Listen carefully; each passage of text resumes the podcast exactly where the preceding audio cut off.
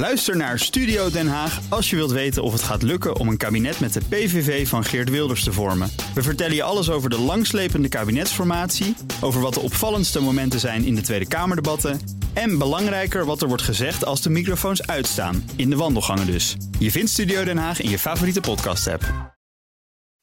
DNR Nieuwsradio. Boekenstein en de Wijk. Hugo Reitsma. Er komt weer schaarste, er komt weer tekort. De toekomst van de euro. Zuinig zijn, zuinig zijn, zuinig zijn vandaag. Overleeft de euro een nieuwe crisis? Olielampje laag. Onacceptabel dat de Nederlandse belastingbetaler daarvoor zou opdraaien.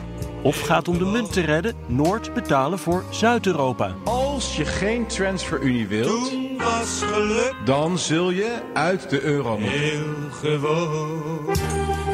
Vlijt en zuinigheid bepleit Nederland in Europa om de munt te versterken zonder dat wij voor de Italianen gaan betalen. Op zoek naar de nieuwe wereldorde? Welkom bij Boekenstein en de Wijk. Met uw gastheren. Arend Jan, afspraak is afspraak. Boekenstein. En Rob, regels zijn regels, de wijk. en dan hebben we nog iemand uitgenodigd die er verstand van heeft. Onze gast is hoogleraar Economie en Overheidsfinanciën aan de Erasmus School of Economics, Bas Jacobs. Welkom. Ja, goeiedag. We praten hier in de aanloop naar de Europese verkiezingen over, volgens mij twee weken is dat alweer, over de grote Europese thema's.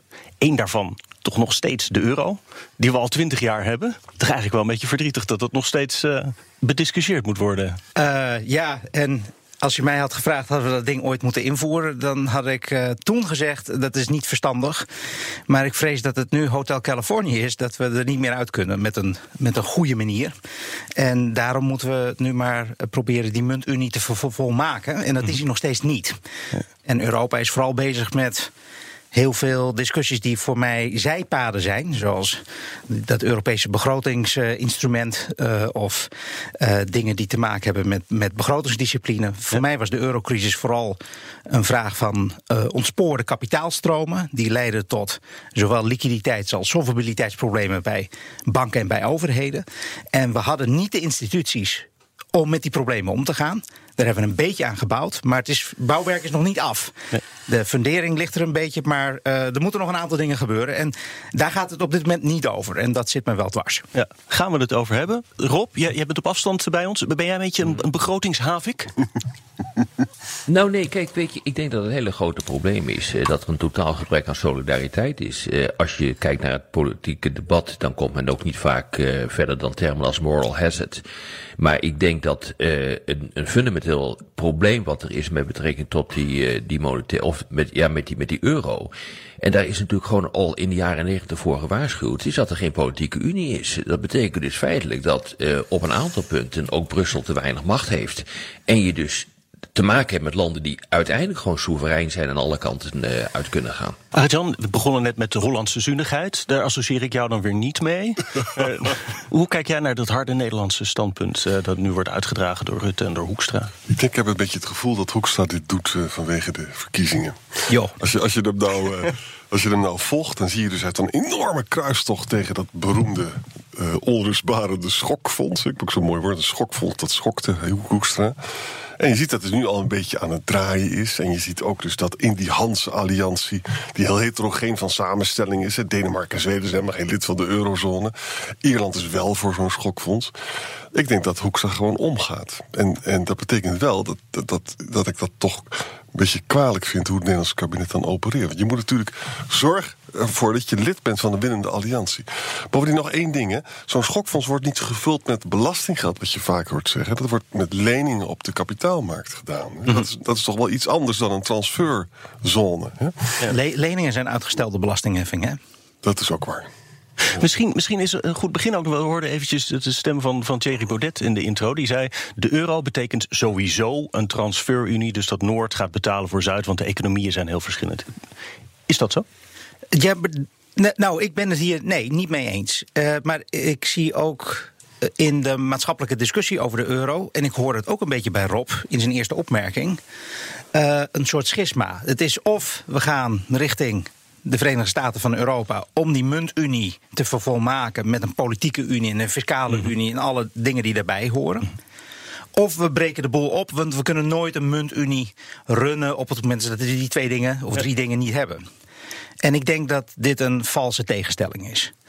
Een valse tegenstelling omdat we prima een muntunie kunnen runnen. Ook al zijn we geen Verenigde Staten van Europa. Ook al hebben we geen schokfonds of solidariteitsfonds of werkloosheidsfonds. Ook al hebben we allerlei problemen omdat we de wisselkoers niet meer hebben om schokken op te vangen in de muntunie. We kunnen best een muntunie laten draaien, maar dan moeten we voor mij aan drie minimum eisen wel voldoen. En het eerste is dat we, als er bankencrisis zijn, dat we instrumenten hebben om een bankencrisis op te lossen. En dat betekent niet alleen toezicht of een resolutiemechanisme, maar ook een budgettaire backup voor de bankenunie. En ook een Europees depositogarantiestelsel voor spaarders in, eh, Europa. Dat heb je nodig om die banken uh, stabiel te houden. Mhm. Wat je ook nodig hebt, is de lener in laatste instantie voor overheden. Dat is nu Draghi met het OMT-programma. Toen hij op 26 juli 2012 zei: We'll, we'll do whatever it takes. En believe me, it will be enough. Toen is de eurocrisis mhm. in ieder geval voorlopig gestopt. Ehm, en wat je ook nodig hebt, is een instrument om met uh, landen om te gaan die van de rails lopen met hun overheidsfinanciën. Griekenland is natuurlijk het belangrijkste voorbeeld. Uh, we hadden geen instituties op Europees niveau om te zorgen dat dat land dat ontspoort haar schulden op een of andere manier herstructureert. Desnoods een tijdje toegang krijgt tot fondsen via noodfondsen onder strikte voorwaarden van conditionaliteit, hervormingen, bezuinigingen en dat soort zaken. Dat was er allemaal niet, dat hebben we een beetje opgetuigd, maar dat werkt nog steeds niet goed. Met name zit er een enorme inconsistentie in dat we aan de ene kant zeggen: landen mogen niet failliet gaan. Uh, want uh, uh, we, we, we, kunnen een land binnen de euro niet failliet laten gaan, want dan schenden we de no-bail-out clause. En aan de andere kant hebben we ook niet op Europees niveau afgesproken dat we landen gaan redden op het moment dat ze niet failliet kunnen gaan. Dus die twee, dus de no-bail-out clause is onverenigbaar met het idee dat je uh, landen niet redt en zijn uitkoop geeft. Maar Bas, als je dit toch allemaal zegt, en, en ik, ik kan dat helemaal volgen, dan kom je toch in een situatie eh, terecht waarin landen veel meer autonomie moeten afstaan dan op dit ogenblik. En dan ga je toch uh, in de richting van meer integratie en meer mogelijkerwijs wel naar een soort van politieke unie. Dit is één richting, maar ik denk dat die politiek niet feasible is. Ik denk dat dat eh, on, onhaalbaar is. Maar ik denk dat er wel een manier is waarop we die muntunie kunnen laten werken. En dat is zorgen dat landen, als ze van de rails lopen, failliet kunnen gaan. zonder dat het schokgolven veroorzaakt in het financiële stelsel. En daarvoor heb je nodig dat die bankenunie heel sterk is en goed functioneert. Dus als een land, als Griekenland failliet zou gaan en banken Griekse obligaties hebben, dat ze dan niet direct kopje ondergaan, maar dat er voldoende uh, uh, crisisresolutieinstrumenten zijn. En ook voldoende backup om te zorgen dat het bankwezen blijft draaien. Terwijl toch een overheid failliet kan gaan. Heb je ook al die begrotingsregels niet nodig. Waarbij je als Europa probeert een overheid in de tank te houden. Nee, dan heb je, je zou kunnen zeggen, overheidsdiscipline vervangen door marktdiscipline. Als de markt dan ziet, oh die overheid gaat mis. Dan zul je zien dat daar die overheid meer in de problemen komt. En als je geloofwaardig maakt dat die Nobel-out clause wordt toegepast dat de landen niet gaan redden.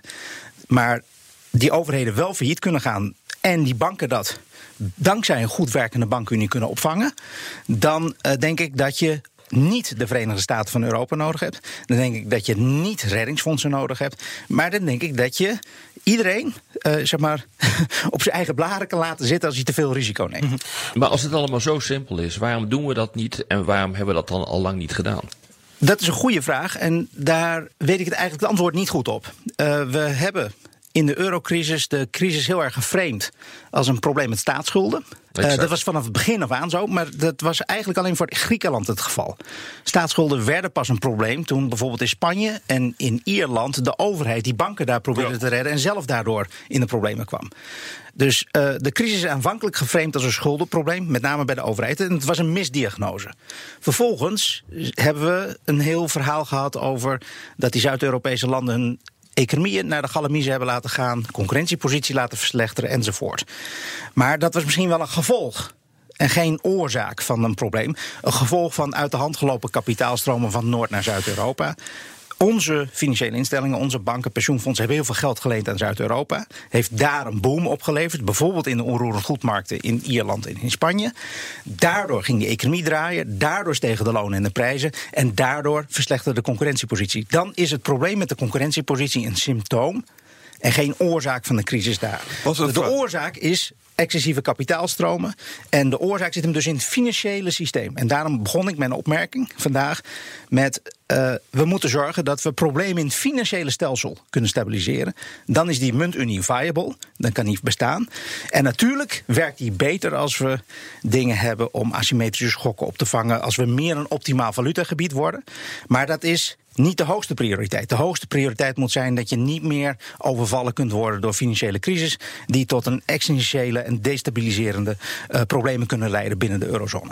Twee vragen. Als, als die link tussen banken en de overheid wordt doorgesneden, wat natuurlijk heel belangrijk is, want het ging in Ierland en Spanje hartstikke fout op dat punt, hè, dan is het toch ook zo dat de overheden een prikkel missen om te hervormen. Want hun banken zijn dan, worden dan eigenlijk gered in een Europees systeem. Ik denk dat, dat eh, het creëren van een doomloop tussen banken en overheden het slechts denkbare discipline-instrument is. Wat je kan bedenken. Dus eigenlijk zeg je van we willen die doemloop in stand houden om die overheden te disciplineren en te hervormen. Ik denk dat dat niet een goede argumentatie is. Nee, maar dan, dan heeft, goed, laat ik het dan zo formuleren. Van, we kennen allemaal Italië, we weten waar het voor staat. Hè? Het is een hopeloze regering. Mag ik dat zeggen? Echt een hopeloze regering. Ik hoop gewoon dat het valt, maar daar ben ik helemaal niet zeker van. En ik ben ook helemaal niet zeker van wat de Italiaanse kiezer dan daarvoor in de plaats gaat zetten. Je zult het met mij eens zijn dat het fijn zou zijn als de Italianen een beter beleid zouden gaan voeren, toch? Welk instrument hebben we nou om dat te bereiken? Maar moet je dat willen? Dus voor mij is de politieke vraag hier: wat is de rol van Europa en welke. Je hebt het over instrumenten. Welke dingen moet je op Europa willen doen en wat kun je aan soevereine landen zelf overlaten? En ik denk dat je een muntunie kunt runnen. Waarbij landen er een behoorlijk potje van kunnen maken. zonder dat het hoeft te leiden tot existentiële paniek. over het voortbestaan van zo'n muntunie. Maar dan moet je een aantal dingen regelen. Dan Die zijn dus voor mij de bank- ho- van de hoogste aarde. Dan moet je dus een bankenunie hebben, maar dan heb je het Bankenunie probleem en de schuldherstructureringsmechanisme en de lender of last resort. Ja, maar bij die bankenunie heb je dus een probleem dat It- Italië heeft nogal wat slechte banken. Ja. Waar de Franse banken ook behoorlijk in zitten. Dus ook nog een besmetting zit erin. Het is, het is leuk om een bankenunie te beginnen, maar dan wil je liefst bij nul beginnen. Dat we allemaal netjes zijn. Maar dat is het dus niet, hè? Het zijn rotte Nee, appels. en, en, en het is echt buitengewoon treurig dat we, nou ja, na meer dan tien jaar crisis, dat we nog steeds de problemen in het Europese bankwezen niet hebben opgelost. Dat we de rotte leningen niet hebben afgeboekt. Dat we de banken onvoldoende sterk hebben gecapitaliseerd. Dat er in Europa nog steeds een zeer krachtige bankenlobby is die zich mateloos verzet tegen hogere kapitaaleisen, waar nagenoeg unanimiteit onder economen over is. Ik dat vind ik de grote vragen. En die, die worden niet gesteld. Nog steeds niet. Maar is, maar is niet het. Rob, vertel. Nou ja, ik vroeg mij af of niet het echte probleem is eh, dat wij vinden, en dat is eigenlijk wat Arend Jan ook eh, net zei. Wij zijn netjes en zij zijn het niet. En dat is denk ik een fundamenteel eh, probleem om tot een goede oplossing te kunnen komen. Daarover straks meer. En de vraag: wat doen we bij een volgende crisis? BNR Nieuwsradio. Boekenstein en de Wijk. Op zoek naar de nieuwe wereldorde. Dit is Boekenstein en de Wijk. En dat programma is natuurlijk niet zonder Arend-Jan Boekenstein en Rob de Wijk. Mijn naam is Hugo Reitsma en onze gast is Bas Jacobs van de Erasmus School of Economics. En Rob gaat gewoon door waar hij is gebleven. Kijk, we hebben natuurlijk een, eh, een eh, geweldig debat nu eh, de afgelopen minuten gehad over de techniek van de euro. Die kan ik helemaal volgen en ik denk ook dat je dit soort dingen zou moeten doen. Maar is het echt het probleem niet? Dat wij denken van wij zijn netjes en die zuidelijke lidstaten die zijn dat niet. Is het niet gewoon een bijna ideologische probleem waarbij wij Noordelingen tegen het Westen aankijken als sportverteerders en landen die er gewoon een chaos van maken? Vind je het dan gek? als landen zoals, eh, zoals Griekenland, maar ook Italië zeggen van ja, wij willen dit niet. En wij kijken bijvoorbeeld nu naar China. Wij gaan ons aansluiten bij dat Belt en Rood initiatief eh, van die Chinezen. Want die Chinezen doen tenminste niet zo lullig en die... eh, die behandelen ons als volwassenen en we maken een goede deal met hun. En uiteindelijk denk ik dat niet het ontbreken van die technische methodes en middelen om die euro te schagen de ondergang van de Europese Unie inleidt. Maar dit fundamentele gebrek aan solidariteit waardoor landen weglopen en zeggen van we doen het wel met, eh, met China. Ja, ik, ik ben het hiermee eens. En eh, misschien. eh, eh, ik, ver- ik verexcuseer me voor misschien overdreven technisch taalgebruik. Maar eh, volgens mij zitten we op dezelfde lijn. Mijn, mijn proble- probleem met de discussie is dat. om die. Je zou kunnen zeggen, die minimale condities waaronder die muntunie kan functioneren te realiseren, heb je inderdaad een minimum aan solidariteit nodig. Een minimum aan solidariteit om uh, bankreddingen te stutten, om een Europees depositogarantiestelsel te organiseren, om een Europees monetair fonds of iets van die geest op te zetten. Dus dat vereist een minimum aan uh, uh, aan overdracht van soevereiniteit, een minimum aan budgettaire solidariteit. Vertrouwen. Uh, maar dat, gaat, dat stopt ver voor de Verenigde Staten van Europa.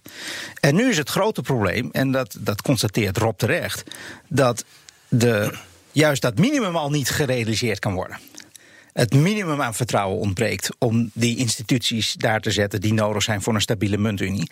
En mijn grote zorg is dat de aandacht wordt afgeleid door uh, door allerlei discussies over bijvoorbeeld zo'n zo'n zo'n schokfonds of iets anders, die voor mij niet essentieel zijn voor het voortbestaan van, van, van de eurozone. Die veel meer solidariteit vragen dan wat ik voorstel. En uh, eigenlijk dat we daardoor uh, de, de, de discussie splijten. Dus tussen zeg maar, harnaste tegenstanders van verdere Europese integratie, uh, zeg maar op de populistische flanken, en voorstanders daarvan. Terwijl we veel pragmatischer hier kunnen zijn. En met een veel minder vergaand, uh, vergaande opvatting over hoe solidair je moet zijn met elkaar, toch die muntunie op een goede manier kan borgen. als dat niet gebeurt, denk ik dat bij de volgende crisis we wel weer een, een replay, een herhaling krijgen van de dingen die we de vorige keer hebben gezien. Want die dingen, die, ook al klinkt het technisch, zijn voor mij wel noodzakelijk voor het op lange termijn overleven van de muntunie. Dus ik zou willen dat de politieke energie gaat in die essentiële randvoorwaarden. In plaats van in wat ik denk eigenlijk zijdiscussies zijn. die politiek volkomen onhaalbaar zijn. gezien de euroskepsis en gezien het wantrouwen wat er bestaat binnen Europa. Maar Jos, het is, Bas, het is volgens mij nog veel meer dan dat. Uh, Wopke Hoekstra die heeft uh, een paar jaar geleden bij, op die Humboldt Universiteit ja. volgens mij in Berlijn een uh, reden gegeven. En daarin zie hij terecht, oké, okay, we hebben een draaiende, een matig draaiende economische motor. Maar wat er aan ontbreekt, is dat landen niet bezig zijn om zich aan te sluiten bij die nieuwe economie. Van kunstmatige intelligentie, 5G, uh, big data, nanotechnologie uh, noemt hij. Wat is dat toch? Dit is geen zaak van uh, Brussel, maar het is een zaak van de lidstaten. We hebben eerder de, de, deze eeuw uh, het hele initiatief gehad uh, rond, uh, rond Lissabon. En het hele mm -hmm. idee dat Europa zich zou moeten gaan ontwikkelen tot de nummer één techmacht van de wereld. Wat is er van terechtgekomen? Helemaal niks. Het is dus niet alleen maar Brussel, het zijn ook de lidstaten. Zeker. die gewoon niet in staat zijn om die boel te herstructureren. Ik zit hier in Frankrijk. Dat is gewoon een, een niet te hervormen land in, in wezen. Maar het punt is dat als je het hebt over. Je, je, ik geloof dat je grote bezwaar juist die politieke bereidheid was om een aantal dingen samen te doen. En dat die bereidheid ja. minimaal is. En uh, ik denk dan dat vergezicht over de Verenigde Staten van Europa helemaal uit hun boze zijn. Probeer in ieder geval Eens. voor elkaar te.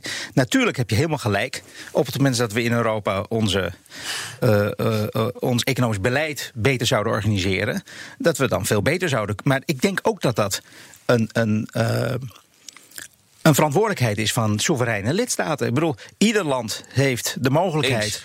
om mee te gaan in de vaart der volkeren. Ieder land heeft ook uh, de mogelijkheid om er een zooi van te maken. En ik denk dat het Europese project splijt op het moment dat de landen die voorop lopen, voortdurend de mensen die achteruit lopen, met het vingertje achterna lopen en zeggen: jullie doen het exact. verkeerd. En, en dus ja. heb, je, heb je een Europese constellatie nodig waarin je meer als gelijke en minder vanuit regeltjes en minder vanuit discipline en minder vanuit straf, uh, misdaad en straf probeert die muntunie te runnen, maar veel meer uh, vanuit de soevereiniteit van de lidstaten zelf en probeert de grensoverschrijdende consequenties die van, je zou kunnen zeggen, nalatigheid of moral hazard of wat dan ook, dat je die probeert zoveel mogelijk binnen de perken te houden. Okay, dan kan het werken. Dan moet je, dan moet je Arend Jan nog overtuigen. Ja, maar Bas, ik heb een vraag aan je. Want jij zegt van we hebben dus een aantal, we hebben drie dingen nodig om de zaak op de rails te houden. Dat is uh, absoluut geen Verenigde Staten van Europa. Dus landen of laatste soort een bankenunie. Eigenlijk ook een kapitaalmarktunie heb je erbij nodig. En ook een herstructureringsmechanisme. 2012 12 was een enorme crisis in Italië, weet je nog, met Berlusconi. Sarkozy en Merkel werden op een nationale persconferentie gevraagd van... vindt u dat Italië voldoende aan het hervormen is? En toen antwoordden ze niet, maar ze lachten naar elkaar. En er ging een schokgolf door Italië. En, uh, maar toen liep dus de spread, weet je wel, de beroemde spread, liep op. En toen had je dus, het gebeurde iets heel interessants. Berlusconi's eigen partij dreigde de uh, meerderheid te verliezen in het parlement. En Berlusconi stapte op. Je had als het ware een soort Europese correctie, uh, correctie op een Italiaans democratisch verhaal. Hè. En toen hebben we dus Monti gekregen, die wat verstandiger uh, beleid ging voeren. Denk je nou dat met de de komende crisis die we gaan krijgen met Italië, want die komt natuurlijk gewoon aan. Dan zijn die vereisten die jij uh, eist, die zijn er nog niet. Hè? Nee. We hebben, in 2012 hadden we geen uh, bankenunie. En we hadden ook niet een herstel. En toch ging dat via die spread. En ook via Berlusconi's eigen wandaden. leidde het tot een correctie. Ik vind die geschiedenis hier wel interessant. Het zou dus misschien ook goed kunnen gaan. Oké, okay, ik wil twee dingen hier zeggen. Het eerste is dat ik ben in het algemeen voor marktdiscipline. Ja. Dus ik ondersteun je verhaal dat als landen er een potje van maken dat ze dan een hogere rente moeten gaan betalen op hun ja. staatsschuld en dat soort dingen. En dat zorgt voor discipline bij die overheden. Dat is in het algemeen een correct argument. Maar op het moment is dat er een muntunie is gebouwd waarin de overheid niet de achtervang heeft van de centrale bank. Want de overheid in Rome en in, in, in Madrid. Die heeft niet zijn eigen centrale bank in Rome en Madrid staan, maar die staat in Frankfurt. Op dat moment verliezen landen de controle over de verwachtingen op de obligatiemarkten. Op dat moment kun je ten prooi vallen aan zelfvervulling, uh, zichzelf versterkende paniek op de obligatiemarkt. En dat hebben we ook gezien. En dat was zeer destructief. En liquiditeitscrisis. Uh, ook al zijn die. Het is, een, het is hetzelfde als een bankrun. Uh, ook al is een bank gezond. Op het moment dat er een gerucht gaat dat die bank ongezond is en mensen gaan hun geld opnemen, kan zelfs een gezonde bank op de knieën worden gedwongen. Dit gebeurde ook meer in slow motion bij die overheden. En dat was zeer destructief. Dus het was volkomen terecht dat, dat Mario Draghi, een aardlekschakelaar, om het zo te zeggen, op die obligatiemarkt te zetten.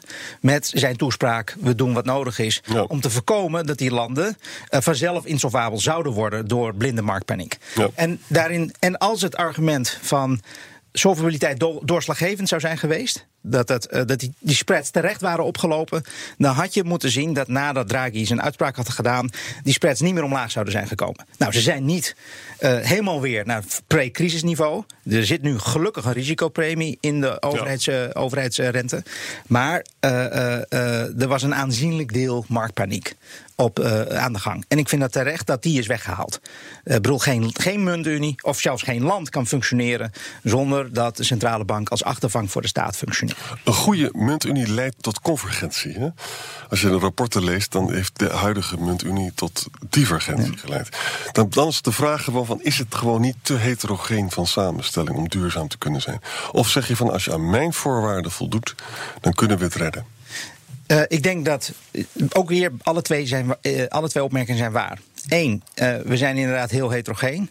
Twee, we waren voordat we met de euro begonnen niet een groep landen waarvan je zou denken, nou die kunnen heel succesvol een muntunie met elkaar runnen. En het was met name een politieke, geen economische beslissing om dat dan toch te gaan doen. Twee, ik denk dat zelfs binnen de huidige imperfecte constellatie, met allerlei gebrekkige aanpassingsmechanismen die we hebben in plaats van die wisselkoers, we hebben geen Europese fondsen van enige substantiële omvang. We hebben geen arbeidsmigratie van enige substantiële omvang. We hebben geen uh, uh, uh, flexibele goederen- en arbeidsmarkten in Europa gemiddeld. dus het substituut voor die wisselkoersaanpassing hebben we niet. Dan nog denk ik dat je succesvol een muntunie kan organiseren. Want de oorzaak van de problemen lag voor mij in die excessieve kapitaalstromen van Noord naar Zuid-Europa, die onze overschotten waren hun schulden, plat gezegd, en dat is daar toen ontspoord. En je hebt dus instanties en instituties nodig die voorkomen dat die excessieve kapitaalstromen van Noord naar Zuid in de muntunie optreden. En daar leiden tot, tot, tot excessen. En voor iedere roekeloze uh, uh, uh, debiteur is er ook altijd een roekeloze crediteur geweest. En dit is voor mij. Hier heb ik me de haren over uit het hoofd getrokken. Dit is voor mij het verhaal over de eurocrisis. En dit verhaal is niet geïnternaliseerd door Europese beleidsmakers, door onze politici, ook niet in nationaal niveau. Wij hebben de crisis voortdurend gezien als nou ja, een overheidstekort, staatsschuld, gat in de hand in Zuid-Europa. En, er komt nog bij dat uh, al die mensen die, dus, die over de transferzone praten, die gaan volstrekt voorbij aan het feit dat de eurokoers lager is dan de, de voormalige Deutschmark of de voormalige gulden. Dus Duitsland heeft ook een voordeel bij een zachtere munt. Een exportvoordeel. Ja, ja oké. Maar, maar de, de, de, de, de wisselkoers van de euro ten opzichte van de rest van de wereld heeft volgens mij niet een substantiële rol gespeeld in het ontstaan van de crisis. De eurozone heeft uh, zeg maar, tot aan de crisis min of meer evenwicht op de, op de, op de handelsbalans gehad. Ja. Uh, net zoveel geïmporteerd als geëxporteerd. Dus wij hebben geen grote schulden of bezittingen vis-à-vis -vis de rest van de wereld opgebouwd. Uh, dus de eurocrisis was een, was een, een, crisis van een interne makelij. Ja. En met name doordat financiële instellingen in Noord-Europa excessief hebben uitgeleend aan overheden en banken in Zuid-Europa. En en daar is het probleem ontstaan. Dus als je dit probleem ooit weer aan de haak krijgt, heb je, heb je mechanismen nodig om dit probleem te tackelen. En dat staat in zekere zin los van. Uh, bedoel, dat we geen wisselkoersaanpassingen hadden, heeft de boel alleen maar erger gemaakt, met name in Zuid-Europa. Ja. Maar uh, als we die wisselkoersaanpassing of substituten daarvoor wel hadden gehad, had dat het probleem met die kap excessieve kapitaalstromen niet opgelost. Exact. Even nog, uh, je zegt Bas, van, je vraagt je af of de euro een nieuwe crisis aan kan. Kan die een recessie aan? Want dan is er wel een beetje haast bij. Uh... Nou, ik, ik heb, heb me. nu zien we al dat de de Europese economie aan het vertragen is. De IMF stelde ook de groei, groeiramingen van de euro neerwaarts bij bij, het, bij, de, de, de, uh, uh, bij de voorjaarsmeeting vorige maand. Uh, je ziet dat de rentes van de centrale bank nog steeds op nul staan.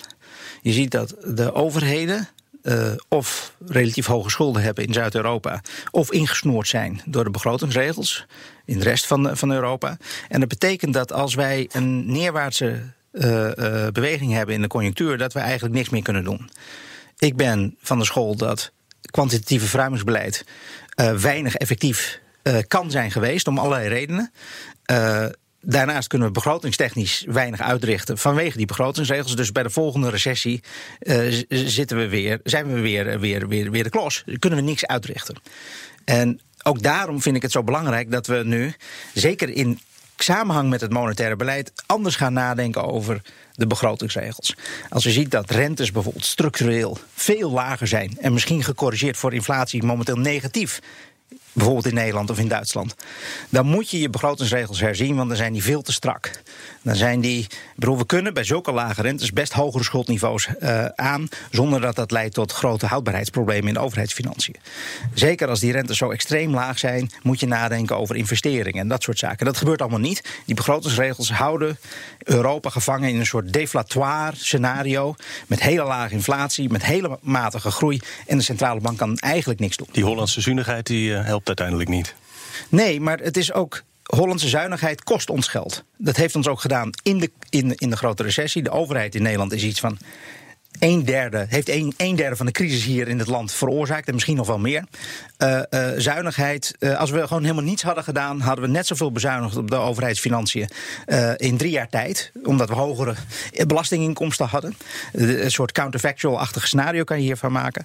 Als je, als je kijkt naar hoe wij omgaan met macro-economische politiek in Nederland, maar ook in Europa, dan zit er geen verhaal over hoe gaan we om met lage rentes, hoe gaan we om met de situatie dat de centrale bank niks kan en hoe moeten we dan omgaan met de begrotingsregels in zo'n scenario.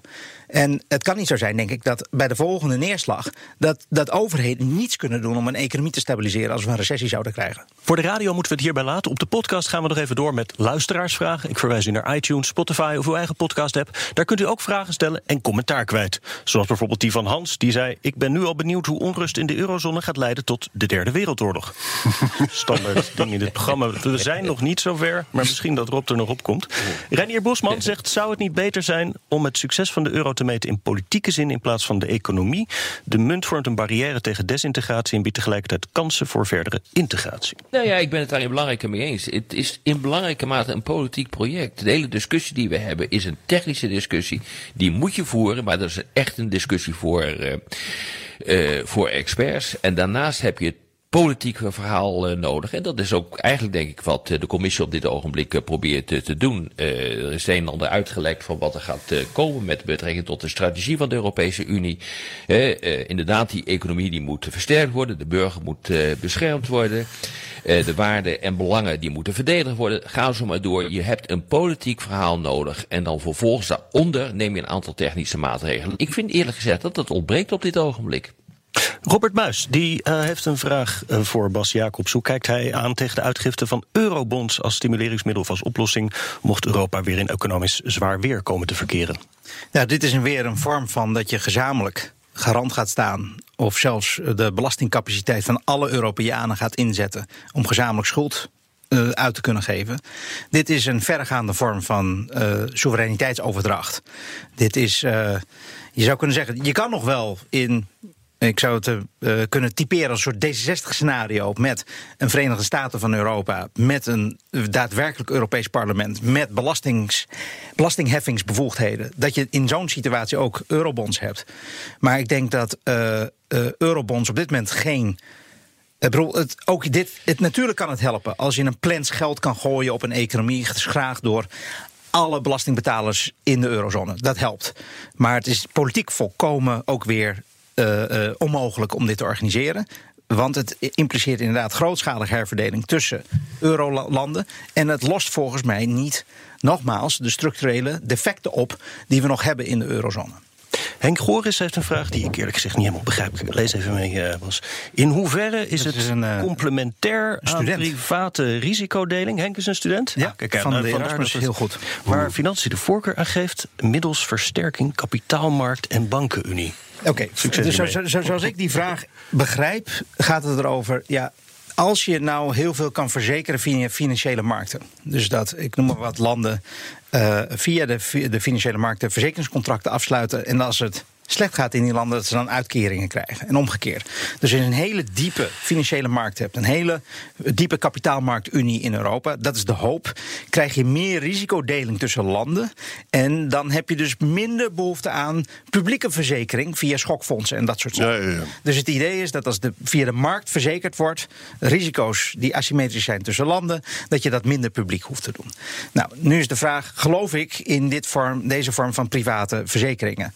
En ik ben daar enigszins sceptisch over. Uh, want het verhaal van de eurocrisis is er een van kapitaalmarkten die op hol geslagen waren voor de eurocrisis.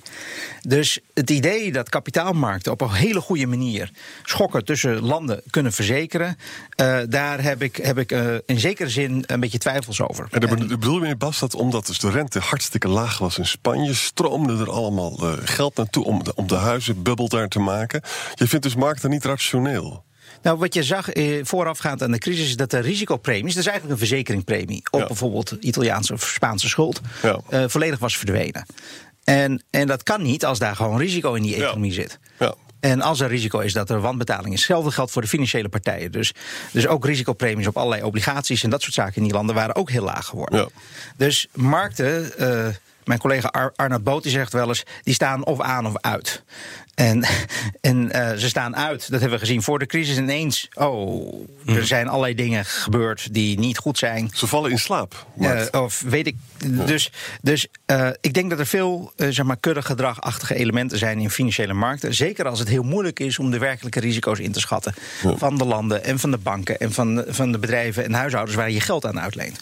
Dus ik weet niet hoe goed het mogelijk is om via financiële markten dus die verzekeringen tussen landen te organiseren.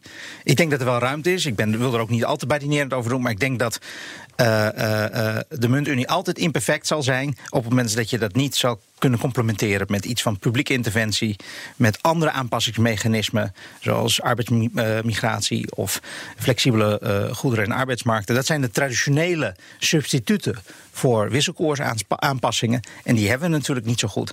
Nou, als je, als je dat niet hebt, zal die muntunie altijd onvolkomen blijven. En dit was de, de eerste opmerking. Misschien was het niet zo verstandig om zo'n muntunie te starten als je weet dat die substituten voor de wisselkoers uh, niet goed ontwikkeld zijn. Marco Vaas vraagt: gaat het de euro ooit lukken om de dollar als dominante munt te verslaan? Uh, dit, dit vind ik een, een, misschien niet zo interessante vraag. Oh. want, Lijkt me wel leuk. Ja, maar, maar ik, ik denk niet dat het handig is als je, als je die munten ziet als in een, in een soort wet- wedloop met elkaar. Nou ik ja, denk dat als wij goed beleid voeren en als wij de boel op orde hebben, dat de euro een ongelooflijk belangrijke munt wordt. En als eh, eh, de Amerikanen eh, hun financieel-economisch beleid gaan verkwanselen en domme dingen daar gaan doen, dan zul je in no time zien dat de euro de, de wereldmunt zal worden. Maar ik denk dat het met name met de kwaliteit van je economische en politieke bestuur te maken. Zeker. Maar geopolitiek is het interessant. Hè? Giscard d'Estaing sprak, sprak over le, pri, le privilège exorbitant. Hè? Dat is de Mhm. Amerikaan, omdat iedereen dus dollars eh, gebruikt voor grondstoffen en handel. Hè? Kunnen de Amerikanen eigenlijk eh, redelijk onbezorgd de geldpers aanzetten. Niet helemaal, maar meer dan andere landen. Nou, daar kijken de Fransen begeerig naar. Ook de Chinezen, die natuurlijk heel groot worden, willen best best met de renminbi in de verre toekomst dat overnemen. Europa zou dat ook kunnen, want wat je dus nu ziet is heel interessant dat bijvoorbeeld de, de Europese CEO's zijn ontzettend boos dat ze in Iran niet meer mogen investeren. En Amerika gebruikt die dollar dan ook als een, met, met een politieke druk. Hè? Dus met andere woorden, als wij onze zaak op orde zouden hebben. En als we aan die voorwaarden voldoen eh, die Bas stelt, die dus geen Verenigde Staten van Europa betekenen, dan hebben we een kans misschien in de toekomst om dat te krijgen. En dat heeft een voordeel, want dat betekent dus dat je, eh, dat je eigenlijk meer geld kan bijdrukken dan als je geen reservemunt bent. Klopt dat, eh, Bas? Ik, ik denk dat het met name te maken heeft met, met dingen als transactiekosten. Ik bedoel, op het moment dat mensen gaan rekenen in jouw munt. Als je een financieel contract. eh, bedoel, over de Amerikanen wordt vaak gezegd: ja, eh, het is onze munt en jullie probleem. Dus eh, op het moment is dat, dat, dat je in, in de hele wereldeconomie euro gedenomineerde contracten krijgt. In plaats van dollar. Ja. dat is natuurlijk heel handig voor ons. En op het moment dat wij monetaire politiek voeren. en dat heeft consequenties voor de rest van de wereld. ja, hun probleem. Dus inderdaad zijn er voordelen aan, aan, aan verbonden. Maar ik denk dat het private partijen zelf zijn die bepalen. Eh, eh, in welke, welke, welke Oh, munteenheid ze handelen. En op het moment dat Amerika er een potje van maakt en Europa doet iets heel goed, dan denk ik dat dat zomaar de andere kant op kan komen. Daar moeten we het bij laten, al was het omdat jij zo door moet naar je volgende afspraak, eh, Bas. Dit was weer Boekenstein in de Wijk. Namens Arend-Jan Boekenstein en Rob de Wijk zeg ik dank voor het luisteren. Speciale dank aan Bas Jacobs en tot volgende week. We waren heel erg arm en niemand hield van ons. Maar we hadden thee en nog geen tv, maar wel radio en lange vingers. Toen was geluk heel gewoon.